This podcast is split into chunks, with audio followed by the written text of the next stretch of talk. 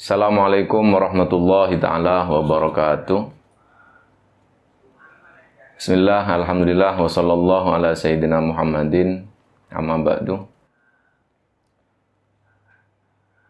Saat ini kita sedang mendapatkan musibah, yaitu Corona atau COVID-19.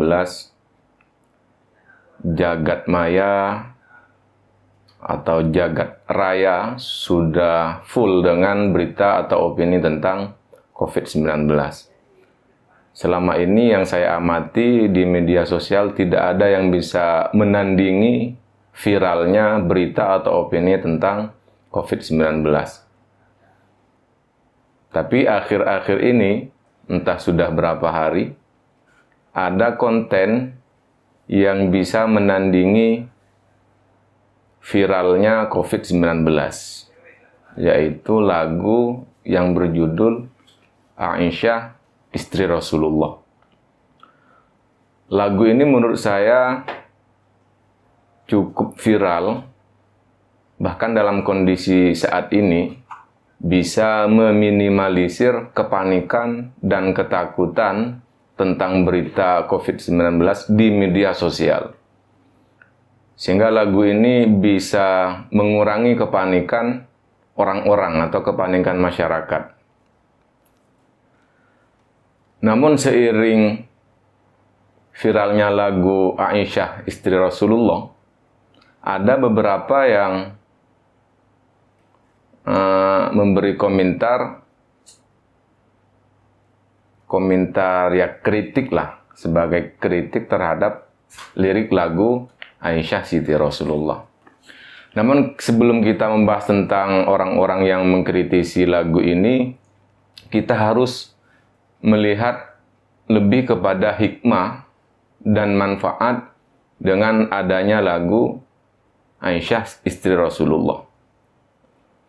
Lagu ini menurut saya memberikan hikmah atau manfaat yang sangat luar biasa. Contohnya, para pembawa lagu ini yang awalnya tidak mengenakan jilbab, karena membawakan lagu ini, akhirnya dia berjilbab. Ini kan salah satu hikmah atau manfaatnya.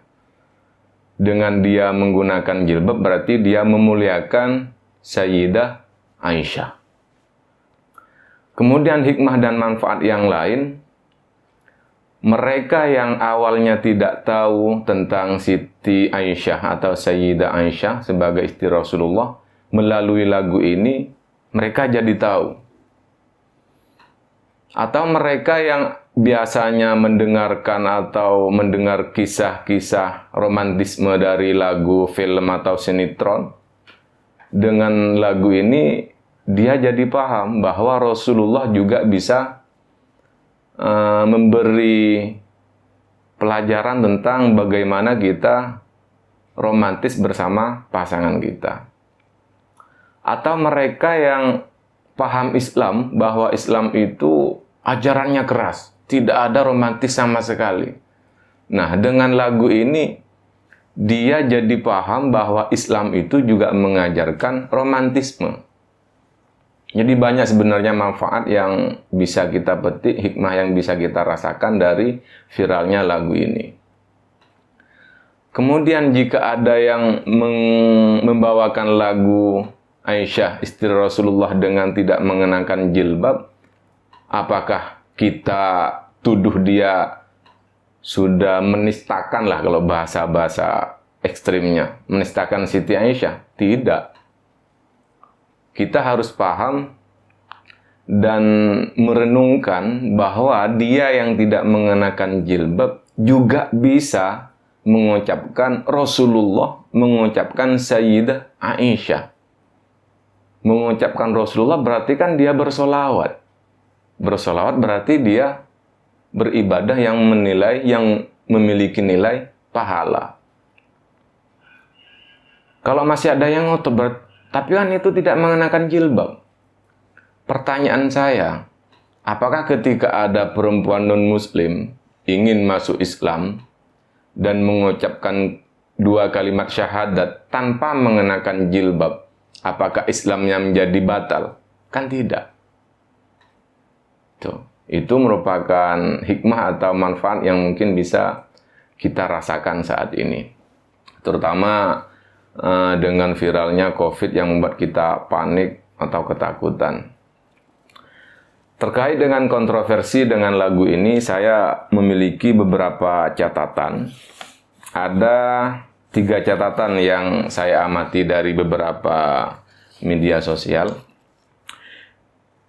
Yang pertama, bagi mereka yang tidak setuju dengan lagu ini mengatakan Siti Sayyidah Aisyah itu kan cerdas, berani.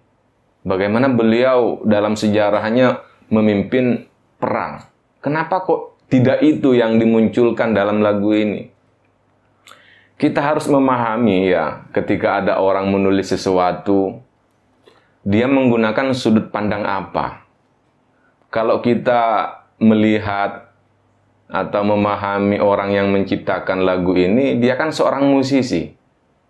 Kita paham bahwa latar belakang seorang musisi itu cenderung ketika menciptakan lagu dia akan uh, menciptakan lagu berdasarkan keindahan dan romantisme. Jadi menurut saya ya tidak masalah ketika lagu ini menceritakan tentang keindahan Siti Aisyah dan romantisme Sayyidah Aisyah bersama Rasulullah. Jika tetap memaksa, kita jangan cuma terpacu, terpacu, terpacu jangan nanti potong mak. Kita jangan hanya terpaku kepada lagu ini. Kita juga harus melihat penjelasan atau nasihat dari para ulama yang lain bahwa banyak ulama, banyak orang yang menceritakan tentang kehebatan, kecerdasan, keberanian dan uh, apa ya? Sayyidah Aisyah sebagai sumber hadis yang sangat luar biasa. Jangan cuma terpaku pada lagu ini. Kemudian dari sudut pandang ini kita juga harus memahami ulama juga banyak menulis kitab hadis sesuai dengan keilmuan yang dimilikinya. Semisal tentang ada kitab membahas tentang hadis yang uh, di dalamnya hanya membahas masalah akidah, hanya membahas tentang rumah tangga Rasulullah, hanya membahas tentang hukum, semisal kitab hadis Ibanatul Ahkam atau Bulughul Maram. Atau juga ada memang kitab yang membahas tentang romantisme Rasulullah. Nah, apakah kitab ini yang menjelaskan tentang romantisme kehidupan Rasulullah bersama istrinya? Lantas Rasulullah uh, dari aspek keilmuannya atau kemuliaannya atau kehebatannya dalam berdakwah menjadi dinafikan? Tidak. Jadi ini masalah sudut pandang. Begitu. Semisal, ini saya mau nulis buku. Ini buku tentang romantisme Rasulullah bersama keluarganya. Semuanya tentang romantisme Rasulullah. Apakah dengan hadirnya buku ini berarti saya menafikan apa Rasulullah sebagai nabi yang mendakwakan Islam? Tidak. Jadi ini masalah sudut pandang. Begitu. Kemudian yang kedua, ada juga yang berpendapat lagu ini uh, tidak boleh ya di, dinyanyikan. Kenapa? Karena liriknya menyifati fisik Sayyidah Aisyah. Ini ada salah satu tokoh ya yang juga viral membahas masalah itu, beliau tidak setuju.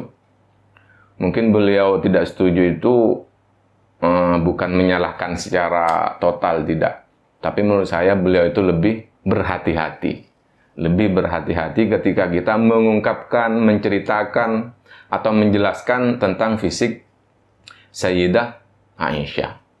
Tapi kalau kita melihat teks hadisnya, semisal yang di dalam teks lagu itu ada uh, minum di bekas bibir Sayyidah Aisyah.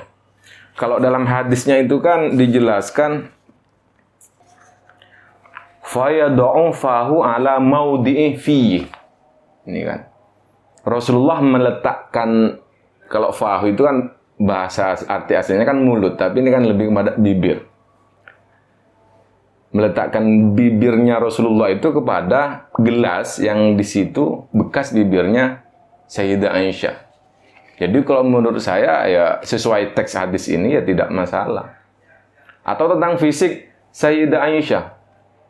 Ternyata ada juga yang menjelaskan, ada artikel yang ditulis oleh Kiai Haji Imam Jazuli. Beliau ini juga mengkritisi uh, tokoh yang mengkritisi lagu ini dari sisi fisiknya. Ternyata ada ulama juga yang menulis tentang profil Sayyidah Aisyah yang di dalamnya juga menjelaskan tentang fisik Sayyidah Aisyah. Di dalamnya itu menggunakan redaksi Aisyah itu imra'atun mahabbatun baydau jamilatun yang artinya adalah perempuan yang agung, putih dan cantik. Jadi ini sebenarnya masalah pemahaman atau wawasan saja, ya, wawasan saja. Tapi menurut Habib Abdul Qadir dalam videonya YouTube-nya itu beliau menjelaskan bahwa secara keseluruhan teks lagu ini tidak ada masalah ya, tidak ada yang bertentangan dengan hadis karena memang sesuai dengan teks hadis yang ada di dalam kitab-kitab. Tapi beliau Habib Habib ini menyarankan agar yang membawakan lagu ini terutama perempuan jangan sampai yang melihat itu sekiranya tidak membuat syahwat atau yang kameramen tidak tidak boleh mensud anggota tubuh yang sekiranya di situ akan menimbulkan syahwat. Fitnah ya kalau bahasa kitabnya untuk fitnah. Fitnah itu artinya mailul mailul syahwat. Ya, mailul syahwat. Kecenderungan atau timbulnya syahwat. Kemudian yang ketiga, ya. Yang ketiga ini ada yang mengkritisi sampai menganggap salah fatal katanya dari beberapa teks lagu yang dibawakan oleh penyanyi Indonesia. Karena memang teks lagu ini yang menciptakan orang Malaysia. Makanya ketika diadaptasikan ke bahasa Indonesia, ada beberapa teks yang dirubah. Tapi yang dirubah itu menurut keterangan yang mengkritis ini fatal katanya. Bahkan dia menganggap ini menyesatkan, sudah merubah sejarah. Mari kita bahas satu persatu yang Pertama itu tentang mencubit. Ya, mencubit ini ternyata bahasa asli dari Malaysia itu, redaksi aslinya mencuit. Kalau bahasa Arab teks hadisnya itu kan arokah. Tadi saya sudah sudah cek di kamus Munawir, aroka itu ternyata artinya menggosok. Saya cari di beberapa kamus nggak menemukan sejauh ini. Mudah-mudahan nanti ada yang bisa melengkapi. Jadi intinya menurut saya antara mencubit dan mencuit ini memiliki esensi yang sama. Tujuannya apa? Yaitu ekspresi romantisme. Kalau mencubit mungkin begini, sakit. Tapi ketika uh, ekspresi kasih sayang kan tidak sakit, sama dengan mencuit. Jadi esensinya sama. Tidak sampai salah fatal. Kemudian tentang sirah kisah cinta ya. Ketika sampai di Indonesia oleh teman-teman penyanyi Indonesia itu diganti menjadi sirah kasih cinta. Katanya ini juga salah fatal. Ya. Kita harus memahami antara sirah dengan kisah. Ini sebenarnya memiliki makna yang sama. Makanya ketika diganti menjadi kasih itu menurut saya lebih pas. Kenapa? Karena sirah itu artinya dari uh, fi'il madinya itu sarong, yasiru, sayron. Sirotan. Ya. Nanti ada kalau di, di kamus itu sampai ke bawah cari ada sirotan. Asal katanya saro yang bermakna berangkat atau berjalan. Tapi ketika menjadi siroh itu artinya haddatha, menceritakan. Begitu juga dengan kisah. Kisah itu kisotan bahasa Arabnya. Tapi fi'il madinya adalah kosoya kusu koson wa kososon. Nah, cerita itu bahasa Arabnya kisah. Jadi sebenarnya ini lebih pas dirubah memang sehingga menjadi sirah kasih cintamu begitu. Kalau sirah kisah itu pemborosan kata. Jadi itu. Jadi ini sudah benar ya, dirubah sudah benar. Kemudian ada juga yang dikritisi itu bahasa yang dirubah hingga lelah atau bila lelah. Ini katanya tidak boleh dirubah karena merubah makna. Sampai mengatakan memang lelah dari mana? Nah, ini bukan masalah uh, kondisi yang sebenarnya. Ini kan menceritakan ya, menceritakan. Saya cari di beberapa hadisnya itu memang tidak ada bahasa yang menunjukkan arti lelah, tidak ada.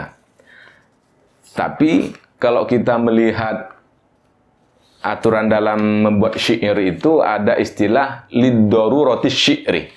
Jadi ada beberapa harkat dirubah, ada beberapa lafat huruf atau huruf dibuang.